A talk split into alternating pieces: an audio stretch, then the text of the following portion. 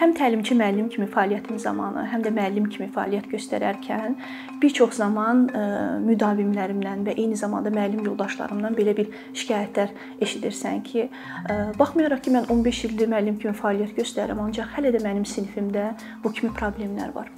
O zaman qısa bir söhbət edəndə ə, araşdırıb nəticəyə gəlirsən ki, bu 15 ilin təcrübəsi deyil. Bu 15 təkrar ilin təcrübəsi olduğu üçün ə, müəllim və ya da ki, müdavim hələ də eyni problemi yaşayır.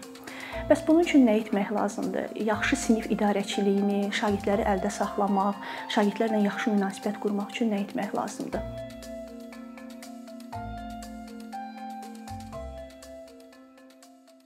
Burada əsas məsələlərdən biri budur ki, müəllim ümumiyyətlə sinifində müşahidəçi olmalıdır və baş verən hadisələrin fərqində olmalıdır ki, nə baş verir? Problem nədir? Bu problemin üzərindən keçəndə əlbəttə ki, bunu təkrar-təkrar illərlə yaşayırıq. Ancaq biz bunun fərqinə varanda və biz bunların qeydlərini götürəndə, bu haqqda araşdırmalar edəndə və araşdırmanın nəticəsində əldə etdiyimiz texniklər olsun, strategiyalar olsun, bunlardan istifadə etməyə başlayanda artıq problemlər yavaş-yavaş öz yerini tapır. Məhz bu baxımdan hal-hazırda mən burdan müəllimlərə sinifi necə idarə etmək olar, yaxşı sinif mühitini necə qurmaq olar? Əlbəttə ki, bunun müxtəlif strategiyaları var, bunun müxtəlif texnikaları, üsulları var. Bir dənə araşdırma versən, bunun haqqında geniş belə bir informasiya var. Ancaq elə şeylər var ki, bunlar təməl bilgilərdir. Bu bizim evimizdə də olmalıdır, bu ofisdə işləyiriksə elə ofisdə də olmalıdır, məktəbdə isə məktəbdə də olmalıdır. Bu təməl strategiya strategiyalardan mən üçünü təqdim eləmək istəyirəm müəllimlərə. Bunlardan biri hər yerdə olduğu kimi, hər zaman olduğu kimi nümunəvi olmaqdır. Yəni nümunəvi müəllim olmaqdır. Biz buna həmişə belə ümumi bir söz kimi baxırıq ki, hə nümunəvi ilə hər yerdə nümunəvi olmaq lazımdır. Bəs biz nə dərəcədə nümunəvi olmağa çalışırıq? Nümunəvi deyəndə biz nəyi nəzərdə tuturuq müəllim kimi? Nümunəvi müəllim budur ki, sinifə daxil olanda o onun artıq bir dəyəri, onun artıq bir xarakteri var və şagird bunu hər gün müşahidə edir. Şagird bunu hər dəfə görür. Yəni müəllim öz əhval-ruhiyyəsinə görə davranmır. Hər dəfə fərqli-fərqli belə deyim də davranış nümayiş elətdirmir. Yəni qarşıda əyləşən şagird başa düşür ki, mənim müəllimin xarakteri budur. Onun bu kimi dəyərləri var və bunu hər onun davranışında da müşahidə edir.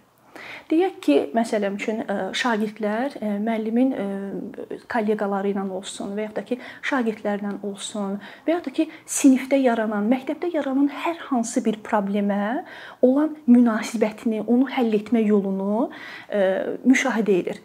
Demək burada nəyə diqqət eləmək lazımdır? Burada diqqət eləmək lazımdır ki, e, nəzakətli sözlərdən istifadə edir müəllim. E, yaş fərqindən asılı olmayaraq e, şagirdi ilə nəzakətli sözlərdən istifadə edir, onunla göz kontaktı qurur. Şagirdi ondan hər hansı bir sözü soruşursa, hər hansı bir məsələni müzakirə edirsə, mütləq şəkildə əmin olmalıdır ki, bütün fikri şagirdindədir və yaxud da ki, sinifdə yaranan, məktəbdə olan hər hansı bir problemi həll edərkən müəllim öz təmkinini qorumalıdır.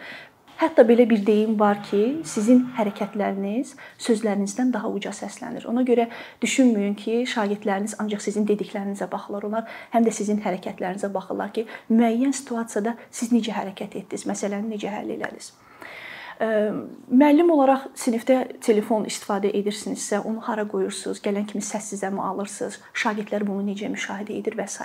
Yəni hər bir detalı müəllim öncədən düşünməlidir. Və burada müəllim öz davranışında qəti olmalıdır. Bilməlidir ki, hər dəfə o nəyi necə edir. Belə olan halda şagirdlər sizi nümunə görür şagirdlər sizdən bax məhz bu davranışları öyrənir. Bu da sinif idarəçiliyinin əsas təməl hissəsindən biridir. Yəni biz özümüz nümunə olmadan şagirdlərdən yaxşı davranış, nizam, intizam, bir-birləri arasında dostluq, mehribanlıq bu kimi şeyləri gözləmək biraz sadəlövhlük olardı. İkinci texnikamız isə müəllimlər dərs ilinin başlanğıcında daha çox biz sinifə daxil olan kimi e, uşaqların adını öyrənirik və ondan həmin sonra başlayırıq. Yay tətilində, yay tətilimiz necə keçdi və ondan sonra biz yaxşı müəllim olmağımızı göstərmək üçün həmin təkrara keçirik, ev tapşırıqları veririk e, ki, baxaq görək uşaqlar nə bilirlər, e, uşaqlar yayda nələr ediblər və s. Ancaq yaxşı olardı ki, hər bir müəllim dərs ilinin başlanğıcında müəyyən bir müddət ayırsın ki, şagirdlərlə yaxından tanış olsun sinif mühitinin yaranmasında qaydalar və prosedurları şagirdləri ilə bərabər müzakirə eləsin. Biz həmişə harda rahatıq? Biz o yerdə rahatıq ki, biz bilirik ki, məsələn, bu bu 4 divar arasında belə deyək də, qaydalar nədən ibarətdir? Burada mən necə davranmalıyam? Saat neçədə gəlməliyəm? Saat neçədə getməliyəm? Necə oturmalıyam? Necə müraciət etməliyəm? Köməyə ehtiyacım varsa bunu müəllimə necə bildirəcəm? Əgər mənim çölə çıxmağa ehtiyacım varsa bunu müəllimə necə bildirəcəm? Sinif yoldaşımdan danışa bilərəmmi görəsən dərs zamanı, yoxsa mən bunun üçün tənəffüsümü gözləməliyəm və s. Sinifimizə gələn şagirdlərin o qədər sualları var var ki, bütün bu sualların vaxtında, ilin başlanğıcında onlarla bərabər müzakirə edərək müəyyən razılığa gəlib qaydaları və prosedurları tərtib etsəniz, sizin bütün iliniz belə rahat və daha belə mehriban, daha dostcasına keçəcəkdir. Bunun üçün nə etmək lazımdır? Bunun üçün elə e, dərsin ilk günündən şagirdlərlə bərabər ə, e, müzakirə etmək lazımdır ki, bizim sinifin yaxşı e, nizam-intizamlı olması üçün, rahat bir mühitin olması üçün biz nə etməliyik? Yaxşı olardı ki, qaydaları siz ə, şagirdlərin özündən alasınız. Çünki şagirdlər özləri qaydaları və prosedurları ə, təklif edəndə onlar özləri buna belə deyim də, e, özləri bunu etdikləri üçün daha çox məsuliyyətli yanaşırlar. Sabah qayda pozuntusuna, hər hansı bir prosedur pozuntusuna e, daha az belə deyək də əməl edirlər. Çünki bu qaydaları özləri qoyublar axı və məsuliyyət onların özlərindədir.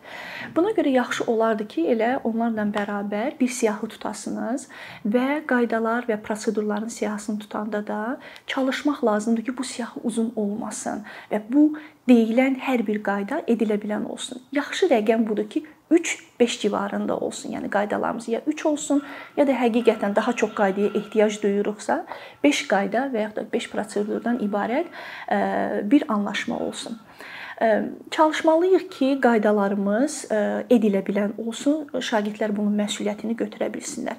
Razılaşandan sonra həmin qaydaların bir nüsxəsini bütün şagirdlərə paylamaq tövsiyə olunur ki, şagirdlərin əlində bu dokument şəklində olsun və bir nümunəsini də sinifdə divarda görünən yerdə hər dəfə onu göstərmək və ya da şagirdlərin hər dəfə baxıb yadına düşəcəyi bir güşədə onu mütləq şəkildə asmaq lazımdır. Üçüncü əsas məsələdən biri də təqdir etmək, şagirdi təqdir etmək. Biz müəllim olaraq öyrəşmişik ki, şagirdlərdə hər şey qaydasında gedirsə, bu çox gözəldir. Sinifdə biz bunu bilirik. Amma nəsə yerində getməyən kimi biz dərhal bunu valideynə çatdırırıq, dərhal bunu yazılı şəkildə və ya da valideyn iclasında təqdir etmək ümumiyyətlə bütün insanlar təqdir edilməyi sevir. Biz təqdir ediləndə daha məhsuldar oluruq, daha məsuliyyətli oluruq, daha həvəsli oluruq. Bu bizə ilham verir. Ona görə təqdir etmək yenə də sinif idarəçiliyinin belə deyək ki, ürəyidir. Buna mütləq şəkildə fikir vermək lazımdır. Şagirdlərimizin təkcə burada akademik nailiyyətləri deyil, eyni zamanda onların davranışları, e, istər məktəbdə olan e, münasibəti, müəllimlə olan münasibəti, şagirdlə olan münasibəti, dərsə olan münasibəti və s. istənilən bir şeydə müəllim əgər müşahidə edir ki, burada təqdirə layiq bir nüans var, onu mütləq şəkildə e, şagirdə çatdırmalıdır. Təqdir necə olmalıdır? Təqdir e, fikir vermək lazımdır ki, səmimi olsun, e, real e, hadisəyə köklənsin, həqiqətən də olsun. Biz çox zaman eşidirik ki, şagird gəlir evdə də deyir ki, Məsələn üçün mən heç dərsi yaxşı demədim, dərsi heç yaxşı səsləndirmədim, amma müəllim dedi ki, elə gözəl şeiri dedim və ya da elə gözəl mətni səsləndirdim. Başa düşmürəm, müəllim mənə qulaq asıb yoxsa yox. Müəllim sanki şagirdi həvəsləndirmək istəyibdi, şagirdi motivasiya eləmək istəyibdi, amma sonuçda qarşımızda fərqi yoxdur. Yəni biz onları yaşca balaca bilirik, uşaq bilirik, körpə bilirik, ancaq onlar bu şeyləri çox gözəl qiymətləndirirlər. Onlar bilirlər ki, real bu real təqdir idi, bu doğru təqdir idi. Ancaq bu halda təqdir həqiqətən də qəbul olunur. Bu baxımdan çalışmaq lazımdır ki, dediyim kimi, yenə də altından xətt çəkirəm ki, təqdir real olsun və səmimi olsun. Şagirdlər təqdir etməyi təkcə sinifdə hər yeri gələndə, yəni bunun vaxtı yoxdur ki, bunu gündə bir dəfə eləyim və da ki, deyəsən mən hər gün bu uşağı təqdir edirəm. Bizdə belə bir şey var ki, çox tərifləyərəm, ondan sonra uşaq birdən öz ayarını itirər və s. Yox, yeri gəldikcə, onu müşahidə etdikcə, bunun üçün belə uzun cümlələr və ya da ki, belə xüsusi çıxışlara ehtiyac yoxdur. Elə bir kəlmə ilə bildirmək olar ki, məsələn, sən bu günləri dərsi nə qədər gözəl səsləndirdin. Bu günləri məsələn mən fikir verdim yoldaşına hər hansı bir işdə kömək elədin. Çox təqdir edirəm sənin bu dostluğunu, sənin bu mehribanlığını və s. Bundan ən önəmlisi də, yəni uşağı təqdir etdikdən sonra bunu mütləq şəkildə biz e, valideynə bildirməyimiz də şərtdir. Bunun üçün e, telefon zəngi aça bilərik e, və yaxud da məktub yaza bilərik. Gündəlik ilə qısa bir qeyd də yazmaq olar övladının dərsi haqqında, davranışı haqqında və bu təqdiri valideynə mütləq şəkildə çatdırmalıdır. Bu zaman nə baş verir? Bu zaman əlbəttə ki, valideyn bu təqdiri e, məktubunu alanda, təqdir mesajını alanda, o da öz övladını evdə təqdir edir, ona təşəkkürünü bildirir. Bundan ilhamlanan şagird sinifə necə gələcək? Əlbəttə, daha ilhamlı, daha e, motivasiyalı və e, məhz Bu e, biz dediyimiz təhsildə nədir? Şagirddir, müəllimdir və valideyndir. E, bu təqdirdə indi bu bir nümunə idi. Hər üçünü bərabər istifadə edərək sinif şəraitini, sinif mühitini daha gözəl, daha məhsuldar, daha e, dostcasına, mehribancasına bir yerə çevirmək olar. Təklif etdiyim strategiyalar uzun siyahıdan yalnız 3 idi. Bir müəllim kimi fərqində olmaq, sinifinizi və şagirdlərinizi daima müşahidə etmək və ancaq şagirdlərin və sinifin ehtiyaclarına görə siz qaydaları, prosedurları, sinif idarəçilik strategiyalarını seçib istifadə edə bilərsiniz. Bir neçə ildir ki, əkinçi olaraq Azərbaycanlı izləyicilərin hər zaman faydalana biləcəyi keyfiyyətli və ən əsas ödənişsiz kontent hazırlamağa çalışırıq. İndiyədək təqdim etdiyimiz onlarla animasiya və yüzlərlə çəkilişlər tələbələrin, mütəxəssislərin, müəllimlərin və ümumiyyətlə yeni mövzulardan xəbərdar olmaq istəyən çox sayda insanın marağına səbəb olub. Bu illər ərzində hazırladığımız videolar təhsil, texnologiya, ictimai fəallıq, iqtisadiyyat, gender bərabərliyi, ətraf mühit, ifadə ifadə azadlığı, hüquq, demokratik inkişaf, mədəniyyət və digər mövzuları əhatə edib. Məqsədimiz çoxlu baxış gətirən deyil, çoxlu fayda gətirən videolar hazırlamaqdır. Amma bu düşündüyümüz qədər asan deyilmiş. Gördüyümüz iş kifayət qədər resurs, əmək və təbii ki, davamlılıq tələb edir. Bu səbəbdən Patreon platformasından istifadəyə başladıq. Əkinçinin Patreon hesabının populyarlaşmasına çox böyük ümidlərimiz və gözləntilərimiz var.